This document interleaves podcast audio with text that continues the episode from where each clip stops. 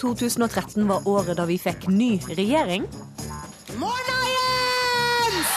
Siv Jensen og resten av Frp fikk endelig drømmen sin om å styre Norge oppfylt. Og Erna Solbergs mann erklærte sin kjærlighet på Twitter. I 2013 tok en hel verden farvel med Nelson Mandela. Let there be justice for all. Let there be peace for all. Og mannen som førte oss til to fotball-VM, og som ga oss Drillo-isen, måtte ta sin hatt og gå. Velkommen til ukeslutts årskavalkade. Jeg heter Ida Tune Ritsland. Og jeg heter Sara Victoria Rygg. 2013 var året da vi fikk en ny statsminister. I dag har velgerne stemt frem en historisk sterk valgseier for de borgerlige partiene. Og dermed måtte Jens Stoltenberg gi fra seg nøkkelen til statsministeren sitt kontor. Nå tar du over, og eh, jeg har gleden av å ønske deg lykke til. Og gjøre det ved eh, å overrekke deg adgangskortet til statsministerens kontor. Det er kanskje det mest synlige uttrykket for at nå går jeg av som statsminister, og du går på som statsminister. Gratulerer og lykke til.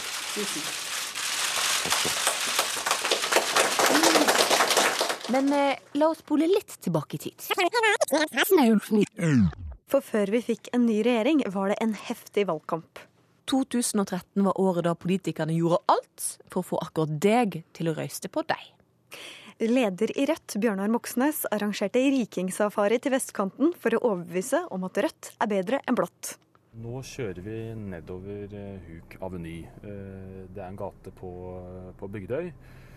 Og det er eh, hus av, av god standard eh, på begge, eh, begge sider. Eh, Hadde jeg vært en god guide, kunne jeg nå opplyst f.eks. om, om samla formue for de som bor i gata.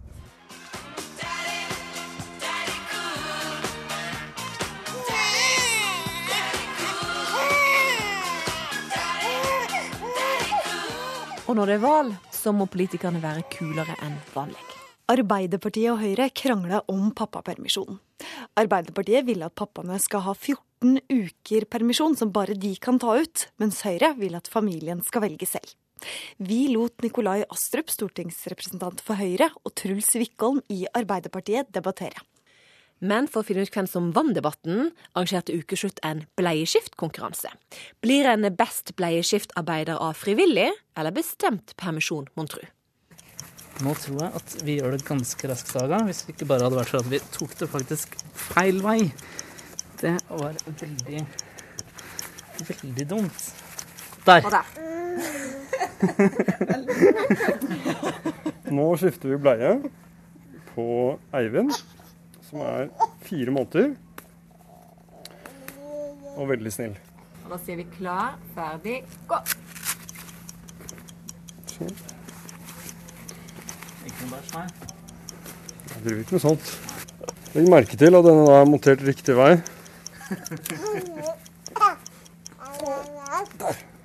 Truls, du eh, skifta bleie på Saga på 28,8 sekunder. Altså, jeg synes at jeg først satte den på feil vei, og så satte den på riktig vei, så er jeg ganske fornøyd med tida. Og du var veldig ærlig, det er plusspoeng. Nikolai, du var heldigere med plasseringa på bleia. Ikke heldigere. Du var veldig Og du klarte det på 22,2 sekunder. Der kan du se.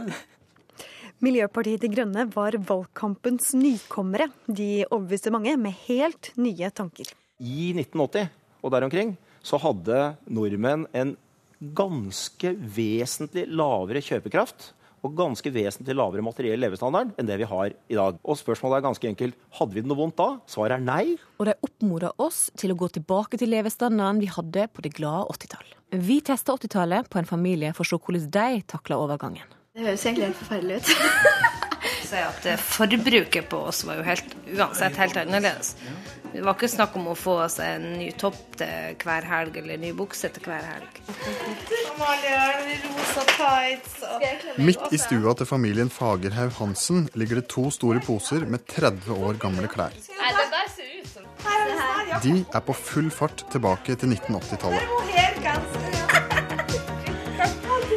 Det var på en måte de høye tinder og de dype daler. Økonom, forfatter og tidligere redaktør Christian Vennerød gir deg 80-tallet i kortform. 80-tallet er på en måte alt. Vi går på en måte fra gamle dager og til eh, det moderne samfunnet i løpet av et tiår. Han ønsker seg ikke tilbake igjen til livet på 80-tallet. Det ville vært et, jeg tror, et helt ut, forferdelig tilbakeskritt. Ja, sånn. Den er altfor trang, den buksa. altså. Familien i Fredrikstad har nå skifta, og vips, vi er i 1985.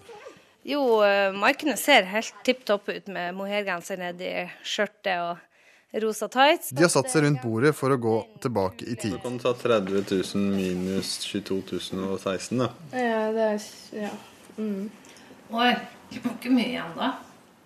Tall fra SSB viser at gjennomsnittsforbruket og gjennomsnittsinntekten har gått opp med 80% siden 1985. Altså, Og 84. i 1985 og utgiftene i 1985. Det betyr at familiens inntekt på ca. 60 000 må ned til 30 og forbruket må ned fra ca. 28 til ca. 17 Jeg tror ikke jeg blir så lykkelig at jeg blir kjøpt så mye sko. Men jeg tror nok sikkert jeg hadde vært like lykkelig om jeg ikke hadde gjort det. Eh, Nei, det syns jeg ikke. Man blir jo ikke mer lykkelig jo mindre man handler. I hvert fall ikke for ungdom, det tror jeg.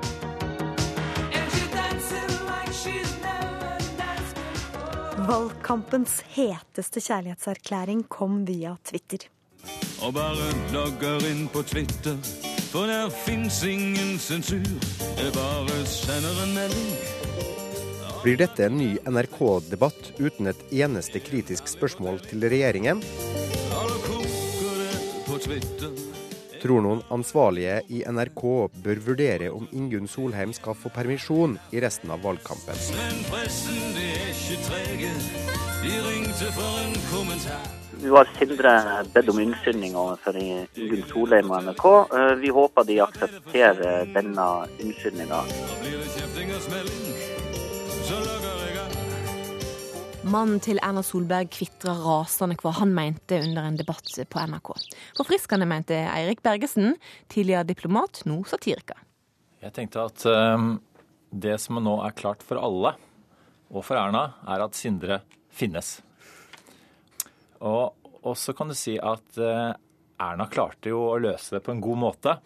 I den forstand at uh, hun gikk ut og sa at hun så på dette som en kjærlighetserklæring.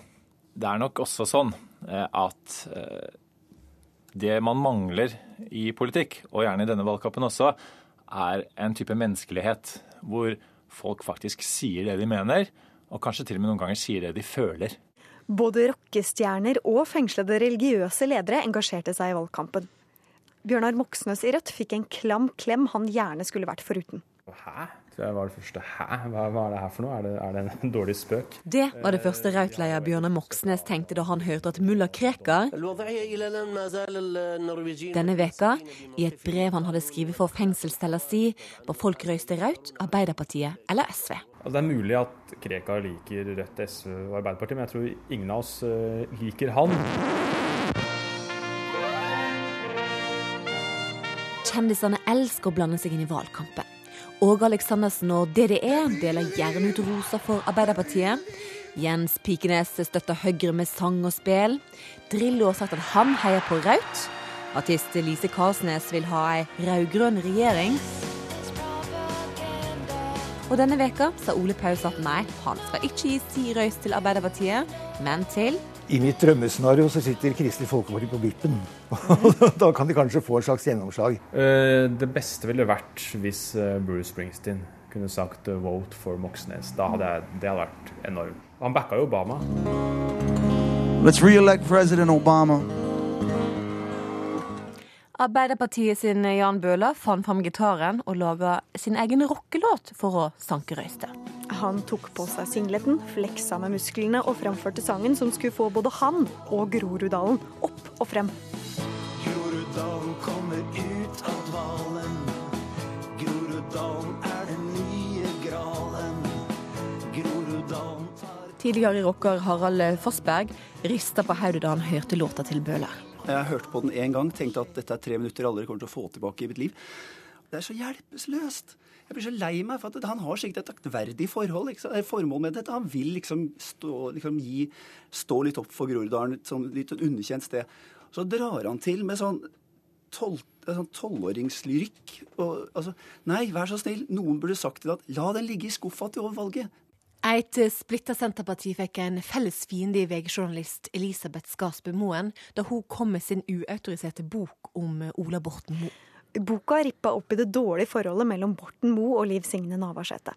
Men så var det jo også Skarsbø Moens bok som fikk rokket opp stemningen på landsmøtet. Hun er politikkens Tina Turner. Hun kommer fra Sogndalsdalen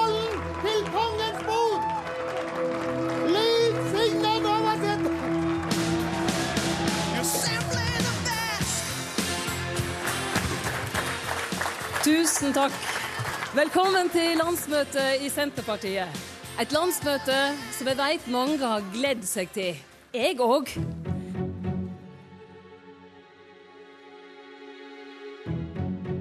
Noen har òg hatt litt blanda kjensler for dette landsmøtet. Grunna ei eh, lenge varsla bok. La meg si det slik. We are shaken but not stirred. Ja, det er et eh, forhold uten tillit mellom han og Liv Signe Navarsete. Og også kommunikasjonen deres bærer preg av trusler, f.eks. under den Dyrøy-saka. Jeg og Ola fungerer godt i lag, eh, på en helt annen måte enn det media framstiller det som. Jeg har et godt og avklart eh, forhold til min partleder. partileder. Vil du også si at hun er en av dine venner? Nei, jeg vil si at det er et godt og avklart forhold til Liv Signe eh, Navarsete. Vil du si at eh, Borten Moe er blant dine gode venner? Ja, mine gode politiske venner. Eh, Jeg har Men ikke personlig? Gode... Nei, men jeg har altså i politikken mange venner.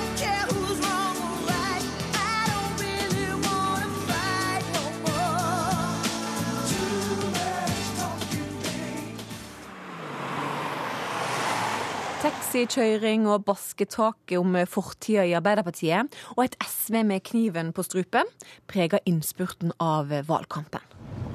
Når jeg ser på siden, så virker det det ligner på Stoltenberg. Du mener jeg ligner på Stoltenberg? Fy faen, det ligner oss! Hæ? Hæ er det Hva? Taxituren til, eh, til Jens syns jeg var kjempegøy. Markedsdirektør for TV Norge og tidligere kommunikasjonsrådgiver Svein Tore Bergestuen husker også tilbake på valgkampens oppturer og nedturer. Grete Knutsens eh, velplasserte eh, solar plexus-slag i sin egen, sitt eget parti uh, rysta jo først og fremst kanskje Martin Kolberg. Jeg er en liten lofottorsk. Jeg er da ikke bitter. Dette her forteller mer om Grete Knudsen enn det gjør om Norsk norske Arbeiderparti. Og Martin Kolberg sa i går på Dagsrevyen at boka utelukkende er skrevet ut fra onde hensikter. Hva sier du til det? Ja, det er jeg uenig i. Og Når du gjør det midt i en valgkamp, så kan ikke det ha noen annen hensikt enn at hun ønsker å skade oss. Jeg så den Dagsnytt 18-sendingen i NRK hvor, hvor de skulle hilse på hverandre eller ikke hilse på hverandre. og Det var rett og slett veldig komisk. To, to eldre politiske eh, storheter som, som rett og slett har gått rett i fleisen på hverandre. Det for åpen scene er jo kjempebra. Du er på vei ut, og Martin Kolberg er på vei inn. Takk skal du ha, Grete Knudsen. På det, og lykke til med Martin Kolberg. Nå er spørsmålet om det fortsatt skal finnes et SV der uh, i, uh, i uh, framtiden. Hjertet mitt banker innmari hardt, nettopp for å kunne fortsette i et sånt parti. Audun Lysbakken jobbet beinhardt for å holde seg over sperregrensa. Før valget satt SV alt inn på å vinne de unge velgerne. Hva forbinder du med det politiske partiet SV? Det er jeg egentlig ikke helt sikker på. Hvem er leder der, vet du det? Siv Jensen? Er det riktig? SV, det Er det Kristin ja. Nei, nå er det Audun Lysbakken. Jeg har aldri hørt om henne. Og vinneren av valget var Morna, De borgerlige og Frp kunne juble. Morna, Jens! Ja, ja, ja, vi fikk det nesten første gangen. Frp kunne altså juble. De var historiske. Gratulerer. Gratulerer. Gratulerer. Som du ser, stemninga er høy. Og nå å endelig få oppleve den store dagen, jeg må bare si det, det er helt fantastisk. Yes! Jeg er 40 år sjøl, så partiet har prøvd å komme i regjering så lenge jeg har levd. Det gjør godt, og det er litt sånn eh, klump i halsen. De fire partiene vil ikke si noe om hvem som skulle være med i regjeringen. Journalistene sto utenfor hotellet i Nydalen i timevis i håp om at Erna Solberg skulle fortelle hva som foregikk. Men bare de aller, aller flinkeste fikk Erna til å fortelle om strategien hun hadde lagt. Planen min er at jeg har tatt, med meg ekstremt mye sukkertøy til de andre, i håp om å holde humøret og sukkeret oppe.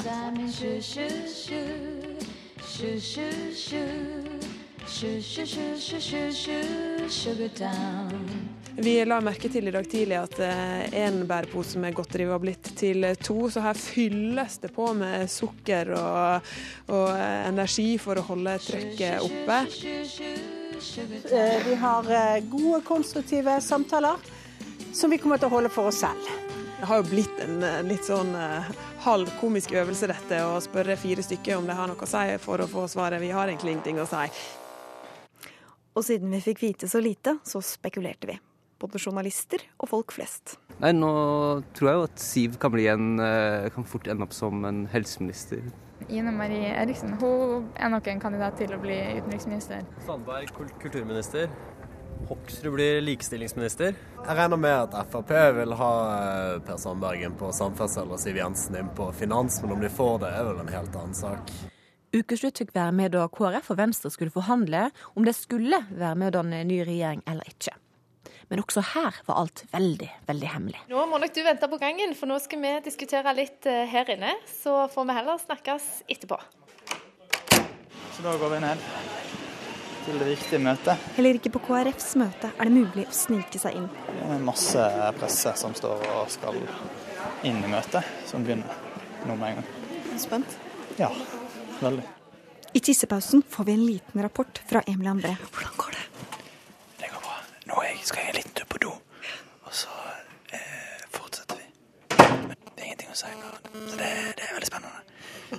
Kan du, kan du si noe om hva du tror det kommer til å skje? Nei, jeg aner ikke det. altså. Nei, Jeg kan ikke si noe. Over hele landet satt spente politikere med nyoppladede telefoner og ventet på et pip fra selveste Erna Solberg. For kanskje, kanskje ville hun ringe og spørre om det var nettopp de som ville være med å styre Norge. Ukeslutt prata med en av dem som hadde venta på en slik telefon, nemlig tidligere barneombud Reidar Gjerman. Ja, Det er veldig spennende.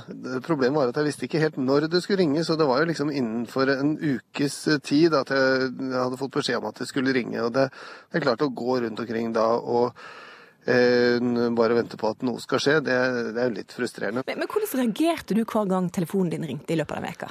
Nå skvetter jo lite grann, da, og så er det jo enormt viktig å hele tiden eh, være tilgjengelig og, og inne i rekkevidde. Har du telefonen på høy volum, eller kanskje ekstra høy volum og vibrering? Hvordan, hvordan eh, var du klar til at telefonen skulle ringe?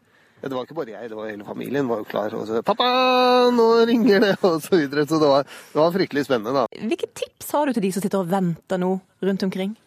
Ja, det er altså selvfølgelig eh, være rask med å gå på do, for det er jo visse steder man ikke svarer på telefon. Det vi i dag gjør, er å presentere en historisk samarbeidsavtale inngått mellom Høyre, Fremskrittspartiet, Kristelig Folkeparti og Venstre.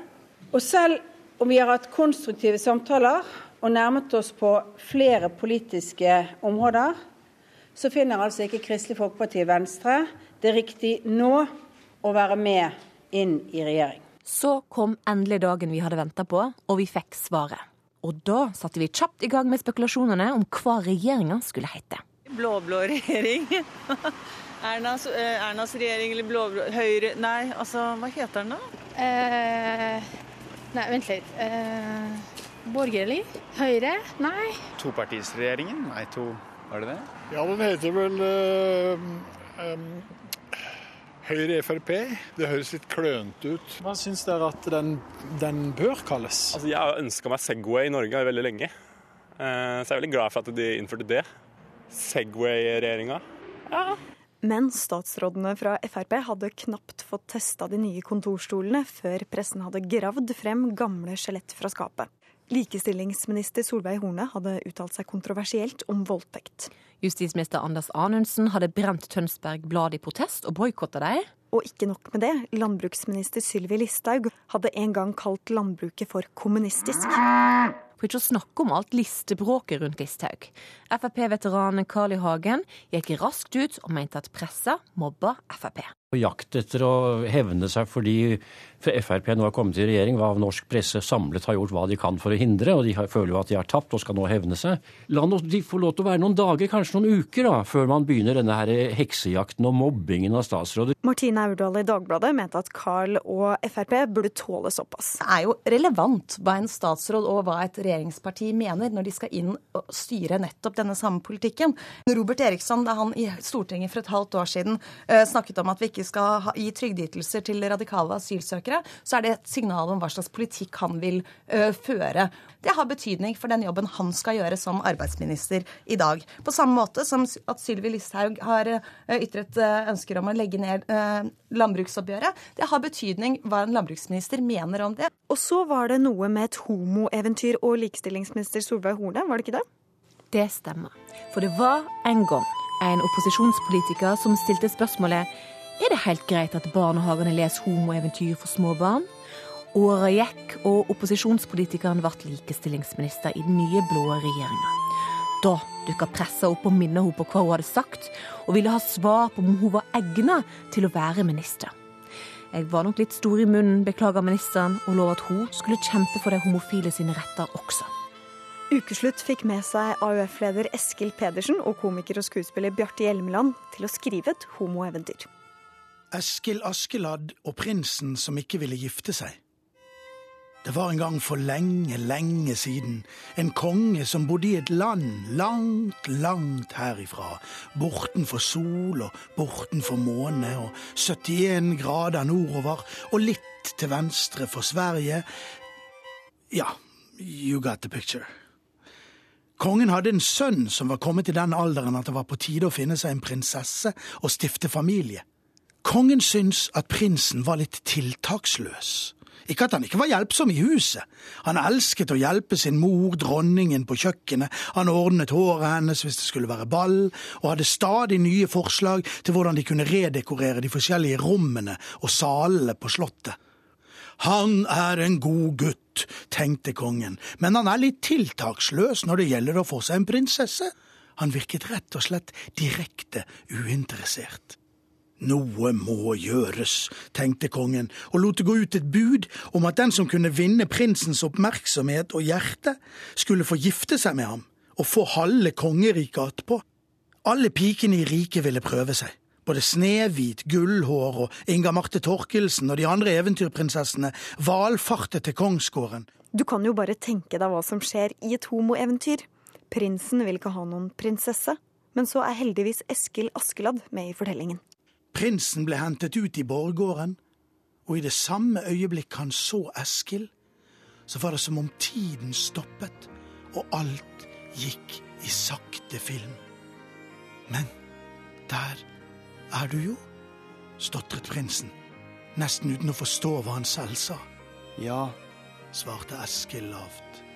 Her er jeg og i det samme øyeblikk ble alle vinduene i slottet åpnet, og man kunne høre musikk strømme ut av alle slottets høyttalere, og Veslefrikk med fela og Alexander Rybak kom løpende ut fra slottet, og de spilte så alle måtte danse, og Eskil og prinsen gikk sakte mot hverandre og idet de kysset hverandre, kom hele Oslo Gospelkor til syne på slottsbalkongen, og de kastet konfetti og twist utover alle de fremmøtte, og i slottets vinduer dukket den ene etter den andre opp og ville hylle de to kjærestene. Der, i ett vindu, sto Bettan og Hanne Krogh ilade svingekostymene, og på motsatt side sto Erna og Siv og klappet, og barne- og likestillingsminister Solveig Horne løp frem og klemte de to elskende og utbrøt Per har rett, elsk hverandre, men som føyde til og selvfølgelig kan vi fortelle om dette i barnehagene. Og dermed begynte alle å gråte av glede og kaste ting opp i luften mens de sammen sang Carolas hyllest til kjærligheten. Jeg er fångad av en stormvind.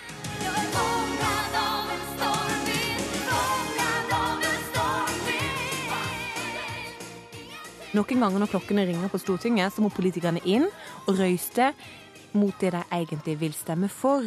Partipisken den kan være nådeløs. I år er det kanskje mange som har bedt en stille bønn om at det ikke skal stilles flere spørsmål om lister, brorskap eller gamle Twitter-meldinger. Ukeslutt ville derfor gi stortingsrepresentantene en mulighet til å lette hjertet og samvittigheten. Henrik Asheim, stortingsrepresentant for Høyre. Hva har du å bekjenne?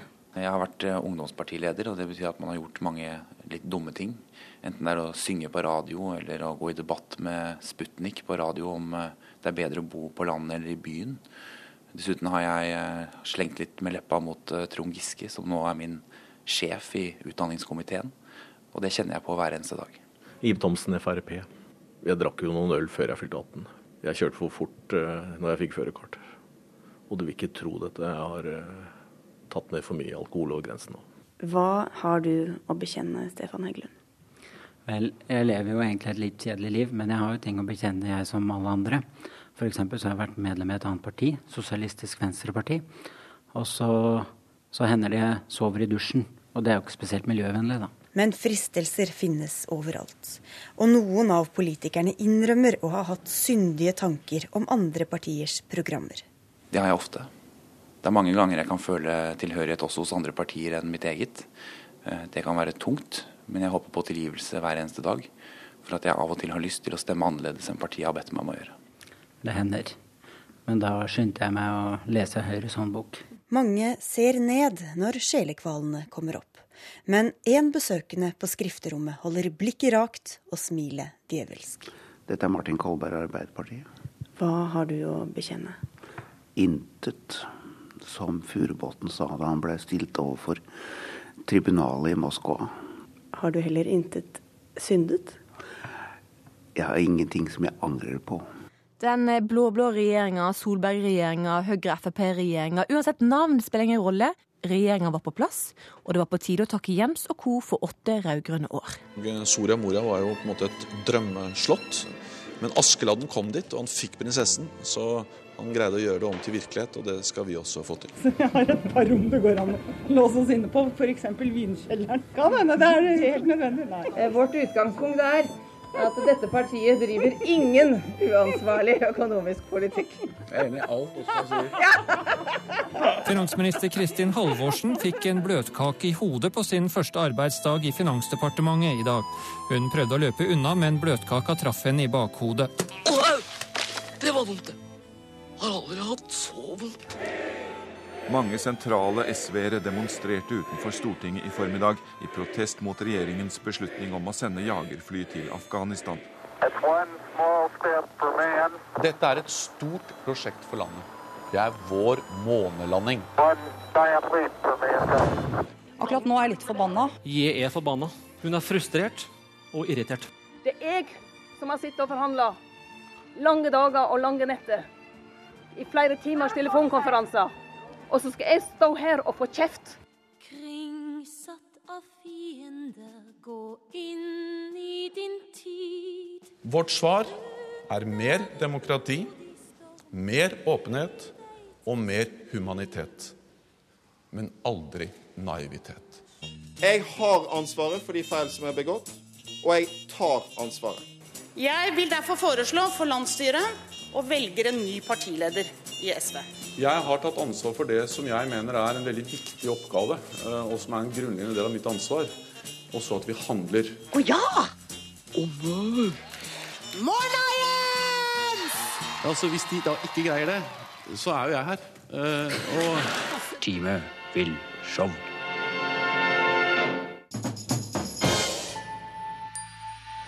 It is discipline and loyalty to our principles that will liberate us. Den norske Nobelkomité har bestemt at eh, Nobels fredspris for 1993 skal tildeles Nelson Mandela og Fredrik Wilhelm de Klerk.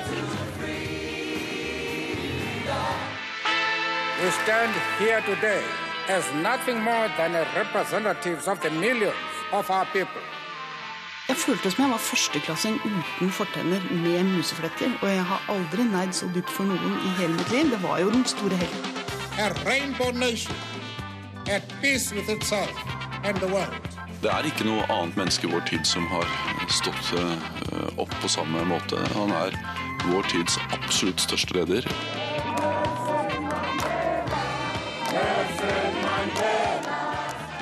Tidlig i desember døde Nelson Mandela 95 år gammel, og ei heil vær tok farvel. Nosive Bakwa møtte Nelson Mandela da han fikk fredsprisen i Oslo i 1993. Iført bunad ga hun en rose til sin store helt. Jeg var kjempenervøs, og mamma var kanskje mer nervøs. så når vi så at han eh, kom inn i domkirken, så husker jeg at mamma ble helt sånn supergira og dytta meg sånn OK, nå, nå, nå, må du gå. Og så gikk jeg litt for tidlig. Sånn at eh, vi møttes bak de prestestolene i domkirken. Så at alle journalistene som hadde liksom stått på rekke og rad for å ta bilder, fikk ikke så veldig bra bilder, for der sto jeg ganske liten gjemt bak en stol. Og jeg husker at jeg var litt sånn svimmel og fikk med meg det han sa, men at det jeg kjente mest på, var at han lukta så himmelsk godt. altså, han lukta helt sånn Åh, det var så trygt og varmt og hjemme. Det var, han bare Det dufta av noe sånn bestefarlig. Det gjorde at alt ble veldig stille og rolig og veldig koselig.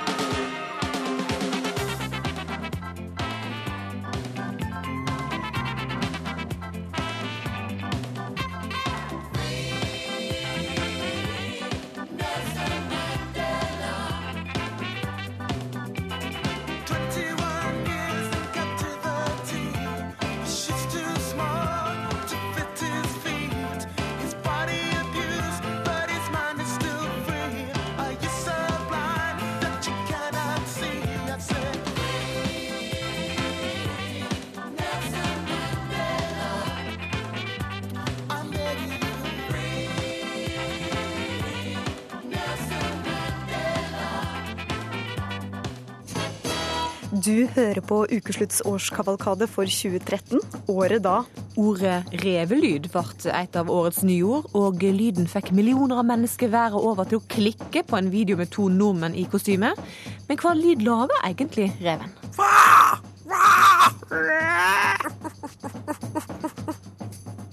I tre dager ble Statoil-ansatte holdt som gisler i Algerie. Gleden min er preget av at det er mange som har mistet noen, sa kona til en av de overlevende. Og vi ble hekta på sjakk alle mann pga. en fyr fra Lommedalen. Andrea, hva heter han for noe? Karlsen? Magnus. Han Karlsen. Vi er eh, samlet i fortvilelse og sorg over tapet av fem menn. Mange har ventet lenge på å få svar, men det ble dessverre ikke trøst i det svaret vi fikk til slutt. I januar ble Statoil-anlegget i Inamenas i Algerie rammet av terror. 40 mennesker ble drept, fem av dem var nordmenn. I tre dager ble gisla helt fanga på anlegget.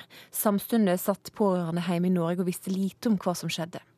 Og da noen av de som venta fikk beskjeden de hadde drømt om, var det nesten uvirkelig.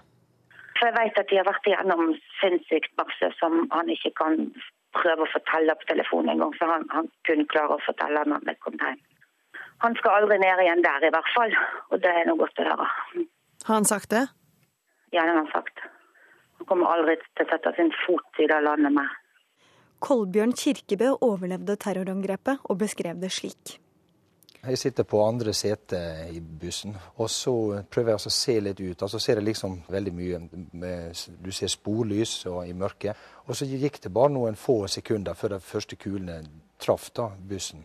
Og kan du si, idet han traff, da, så ble han som er sikkerhetssjef for oss, Paul Morgan, han, han ble skutt i bilen foran. ene vakta borte på vaktposten ble skutt. Så, så legger jeg meg oppå han da, som ligger på gulvet, eller kaster meg ned. da. Og da Idet jeg svinger meg rundt, så, så, kjenner jeg at noe treffer meg i høyre lår. Og Det blir litt sånn nummen og litt varm, og, og at du føler at du er truffet av noe. da.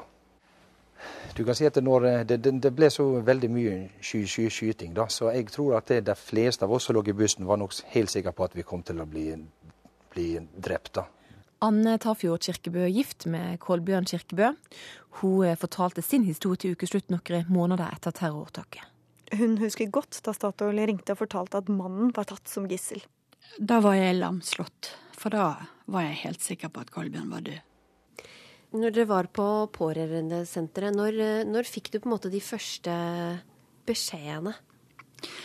Jeg fikk eh, en, en tekstmelding fra Kolbjørn han skriver han var veldig lite skutt, men han var eh, i trygghet. Hvordan har tida etterpå vært? Den har vært veldig tung. Og eh, Kolbjørn og jeg har eh, vært i syv begravelser.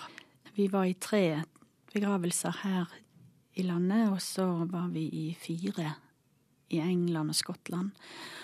Og de hadde fått mindre informasjon om hva som hadde skjedd med deres, eh, enn vi visste her. Ja, jeg kan si et av spørsmålene som virkelig har sittet i meg, det var datter til Kenny. Og eh, henne, hun yngste, hun spurte meg tror du, tror du pappa var veldig redd da han ble skutt. Og det er klart at eh, etter å ha en del sånne spørsmål, så klarer du ikke helt Altså gleden over at du har din i live, den Den eh, er farga og prega av at eh, det er så mange i dette fantastiske arbeidsfellesskapet som ikke har det. I 2013 opplevde Oslo sin verste ransbølge på fem år. Vi snakket med ransofre som var skuffet over at ranerne var på frifot flere måneder etter ranet. Og dermed var det de som måtte ta sine forhåndsregler. Bakerst i bussen, om du sitter der, så må du ta virkelig forhåndsregler i forhold til hva du gjør. Ikke sitt mobilen først og fremst. Ikke liksom vis øreproppene dine.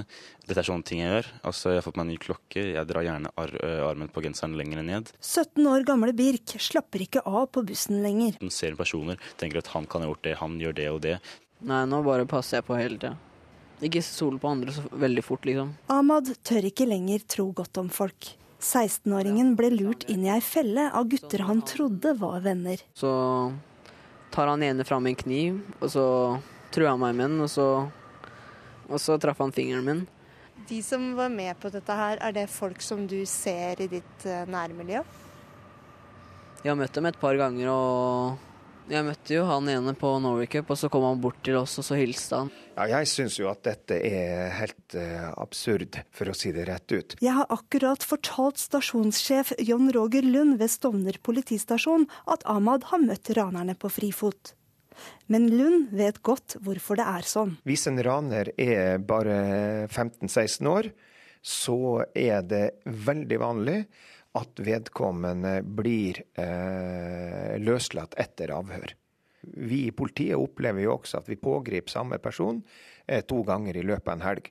Og heller ikke det er spesielt motiverende.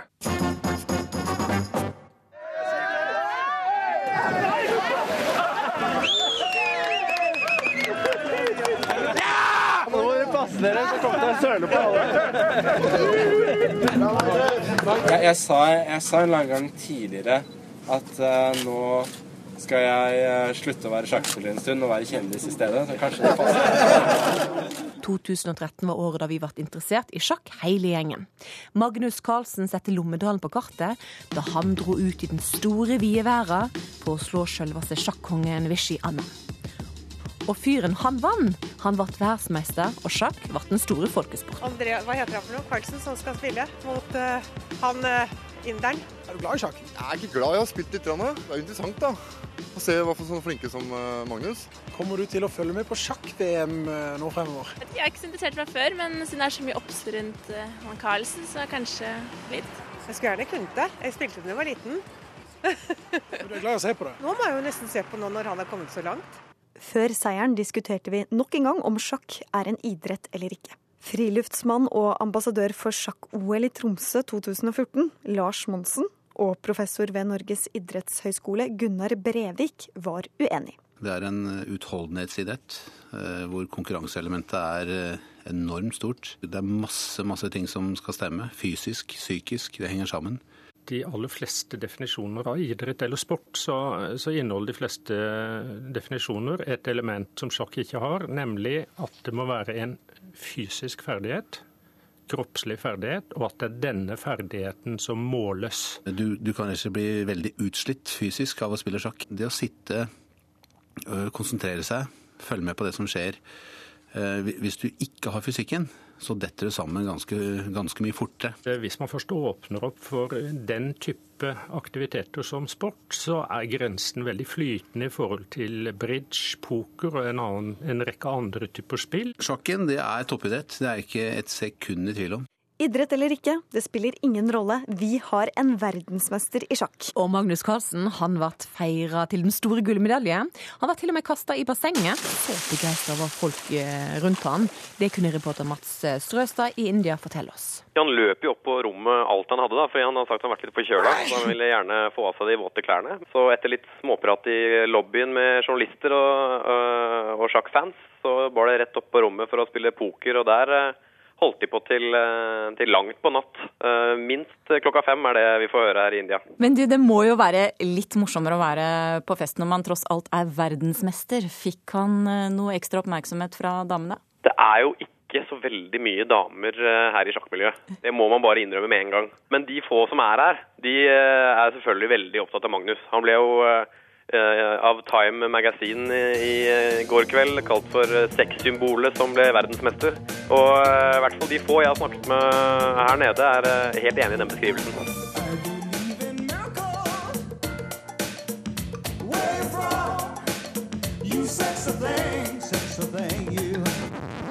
Og det er nok en dødball som knuser det norske laget! Jeg fatter og begriper ikke hva vi driver med. Like overbegeistra var vi ikke for landslaget i fotball i år. De klarte ikke å kvalifisere seg for VM i Brasil, og Drillo, mannen som førte oss til to fotball-VM, mannen som ga oss Drillo-isen, for ikke å glemme grillpølsa Grillos, måtte ta sin hatt og gå. Og vi har folk foran målet, vi avslutter! Ja da! Skåring! Vi har skåret i Marseille! Vi har skåret mot Brasil! Kjetil Rekdal fra Han skårer! Norge leder 2-1! Norge leder! Viva la Norvège! Og led Norge! Kjetil Rekdal og alle hjemme! Jeg ble overraska over tidspunktet i går. Jeg hadde fått tilbake optimismen og klart å riste av meg den skuffelsen som eh, jeg hadde etter eh, Sveitskampen, og var veldig optimist foran de to siste kampene. Så eh, Derfor så var overraskelsen veldig stor i går, men jeg hadde ikke noe problem med å akseptere det. Og, og dermed så overtar Per-Mathias allerede, allerede nå. Drillo hadde bare to VM-kvalifiseringskamper igjen før han skulle gå av med pensjon. Fotballforfatter og Drillo-entusiast Aslak Sira Myhre var en av dem som mente at timingen til Fotballforbundet var hårreisende. Det at Fotballforbundet velger å takke av den viktigste fotballtreneren Norge har hatt noensinne, med å gi han sparken på 24 timers varsel to kamper før han skulle gå av. Det er noe veldig veldig smålig over den handlingen. Det er noe med at Fotballforbundet da viser en manglende evne på mange måter til, til å oppføre seg skikkelig. Så Jeg håper at de kompenserer på dette med å sette opp en Drillo-statue utenfor Ullevål snarest mulig. Sportskommentator i Dagbladet, Morten Pedersen, hadde tidligere kalt Drillo en Drillosaurus X uten tilpasningsevne. Og han mente at det var på tide med en ny landslagssjef. Fotballen har utvikla seg. Egil Drillo Olsen har ikke utvikla seg så mye. Og så ser vi også at han etter hvert har ja, om ikke mistet grepet, så i hvert fall han er ikke like bra som han var. Det er en del ting ved Egil Olsen som tyder på at han er 71 år. eh, At han kanskje er litt sliten. Og at det er på tide at han slutter, men han skulle fått de to siste kampene.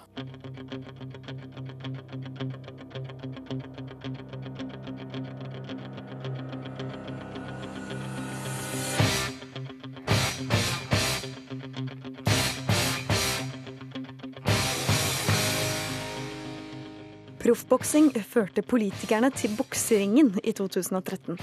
I forbindelse med at Venstre sitt landsmøte i år gikk inn for at eh, proffboksing skal eh, bli lovlig i Norge, så inviterte Ukeslutt til boksekamp der det var om å gjøre å bokse og debattere samtidig. Ingen enkel sak, men politikerne de var sporty. Ta imot dagens boksere. I høyrehjørnet med blå shorts. Sveinung Rotevatn, leder i Unge Venstre.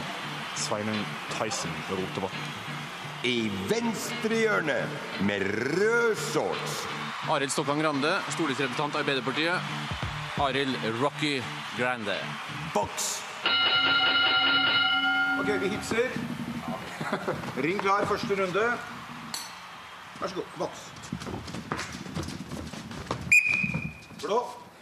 Det må være opp til en sjøl om en ønsker å drive med en sport, også en risikosport. Så lenge det er frivillig, så må det være greit med strenge regler. Boks. Rød. Boksing er en eh, flott sport, eh, og vi vil at det skal foregå i trygge former. Jeg kjenner i hvert fall sjøl at det er veldig bra at man har på seg hjelm, og jeg ønsker at det fortsatt skal være sånn. Tredje og siste runde. Boks.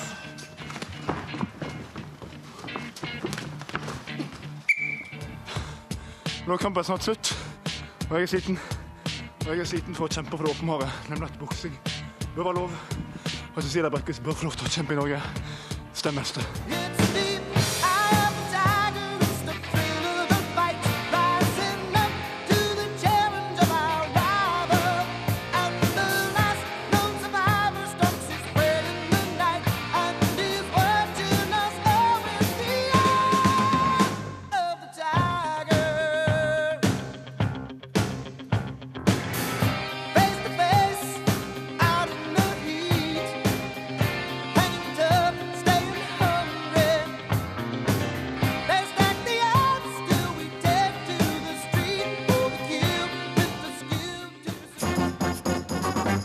Vi får rettferdighet for asylbarna. Ja, Så ser man at dette er jo i realiteten ikke noe amnesti, i hvert fall ikke for veldig mange. Det SV har prøvd på i åtte år, har vi greid på 14 dager. Og det er feil. Fordi at eh, Jo, det er det. Og jeg angrer på de ordene jeg brukte. KrF sin leder Knut Arild Hareide sa unnskyld til SV, og eh, beklager også at han tok munnen for full i vandrehallen i Stortinget. For det ble begeistring da eh, KrF-lederen proklamerte amnesti for asylbarna. Men så viste det seg at det ikke var noe amnesti likevel. Ukeslutt snakka med noen av de det egentlig dreier seg om. Hei, jeg heter Asit, og jeg er sju år. Hei, jeg heter Sultan. Jeg er 17 år. Hei, jeg heter Sarina, og jeg er 16 år. Jeg syns alt burde få bli, siden alle som har bodd her lenge. Så blir det litt eh, tøft å komme tilbake igjen og lære alt sammen på nytt, for eksempel språket. Hjemlandet Dagestan virker fjernt og langt borte. Jeg vil ikke bare tenke på det engang, fordi det er ingen som venter på meg der. Jeg har, ikke, jeg har ingen venner der, jeg kan ikke språket. Jeg kan ikke gå på skolen der engang. De som bestemmer, politikerne, de har sagt at noen barn i Norge får lov til å bli, Mhm. mens andre barn må reise til det landet de kom fra. Må vi reise? Nei, det, det Noen det, Du kan jo selv prøve å forklare dette til en 20-åring.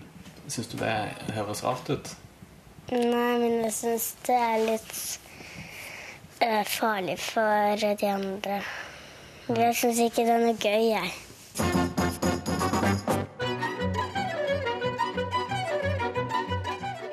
Romfolk i gatene har blitt et fast vårtegn i mange norske byer. Og også i år kranglet politikerne om det skal være tiggeforbud eller ikke. Romtiggerne sa at de heller ville bo på en madrass under ei bru i Norge enn å være lutfattig i Romania. Det er helt mørkt under Sinsenbroa og ingen mennesker å se. Vi hører plutselig en stemme i steinene like ved oss. Mihai svarer. Det er en dame som har lagt seg for kvelden. Plutselig hører vi flere stemmer langt inne under broa mellom de store steinene.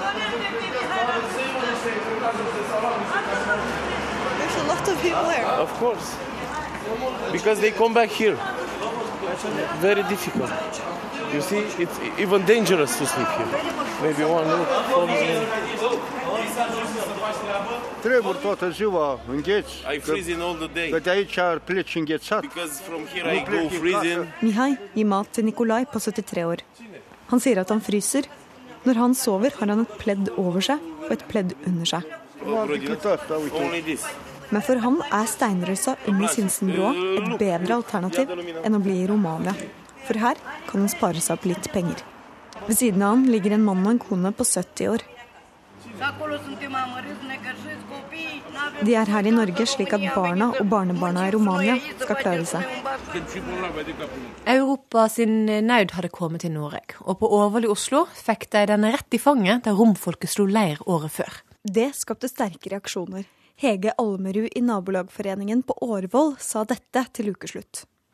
Det er så fryktelig, fryktelig trist og en sånn innmari fæl situasjon at ikke vi her oppe i rike Norge skal kunne hjelpe disse folka.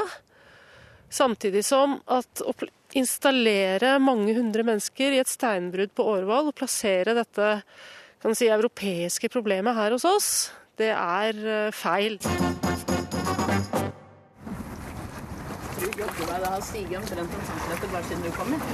Hele den brygga der hvor vi gifta oss eh, for faktisk ti år siden i år, eh, den er under vann. Så det er litt rart. Vi hadde jo håpa at ikke det ble flom.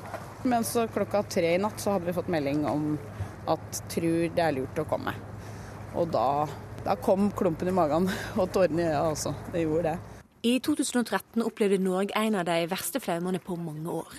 Kvam i Nord-Fron i Oppland ble hardest råka, og Bjørn Berg opplevde å få huset sitt ødelagt for tredje gangen på tre år. Nei, jeg har det vel ganske helt jævlig, for å si det slik. Og Første gangen i 2011 så mista jeg nesten alt.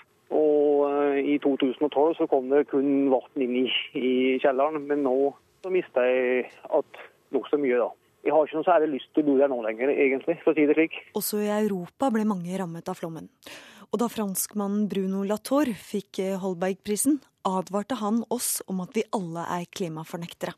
Så derfor, kjære lytter, tok Ukeslutt deg med på en reise 50 år fram i tid, for å se hvordan klimaendringene kan ha påvirka landet vårt da. Og som reisefølge hadde vi strategidirektør ved Cicero, Knut Alfsen.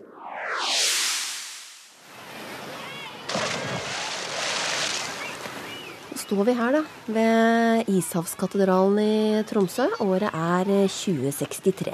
Og jeg angrer på at jeg ikke har tatt med solkrem og bikini. Skjedd her nordpå? Det som skjer, er at eh, temperaturen øker, selvfølgelig. Så, og, og, den øker mer jo lenger nord vi, vi, drar i landet. Så i Tromsø så har nok temperaturen da steget en sted mellom to og fire grader og over hva vi har hatt som normal i, i gamle dager. Så vi østlendinger kommer til å ønske oss eh, nordover vi da om sommeren? Det, det kan være. I gjennomsnitt så er det mer attraktivt å dra nordover. Tidsreisen den eh, nærmer seg slutten. Eh, vi går inn for landing i Oslo. Men du, det er ikke så lett å finne noe plass å lande her. Hva har skjedd, da? Det, her er det folk. Ja, ja her, her, er det folksomt. Her er det 2,5 millioner mennesker på et lite område, så det er, det er trangt. Men hvor kommer alle disse menneskene fra, og hva har de opplevd? De kommer sydfra, og eh, det meste i Sør-Europa og Nord-Afrika, hvor det jo ikke er vann igjen. Og det er eh, varme hetebølger, så det, er, så det holder. Så det er nesten ikke beboelig der. Dog goes woof, cat goes meow, bird goes tweet, and mouse goes squeak. Cow goes moo, frog goes croak, and the elephant goes toot. Ducks say quack, and fish go blub, and the seal goes ow, ow, ow. But there's one sound that no one knows.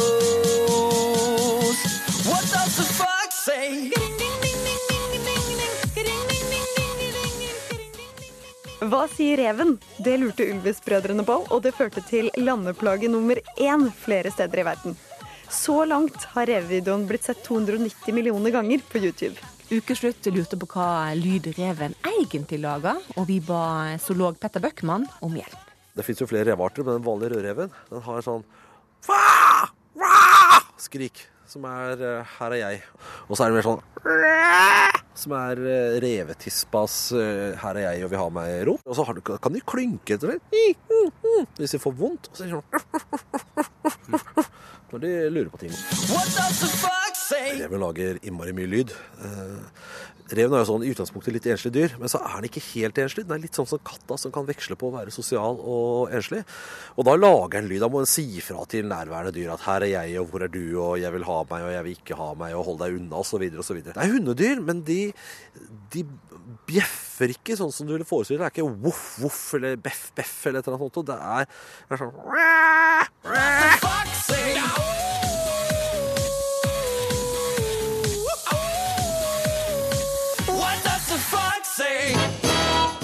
Ukeslutt takker for året som har gått. Mitt navn er Ida Tune Øritsland. Og jeg heter Sara Victoria Rygg.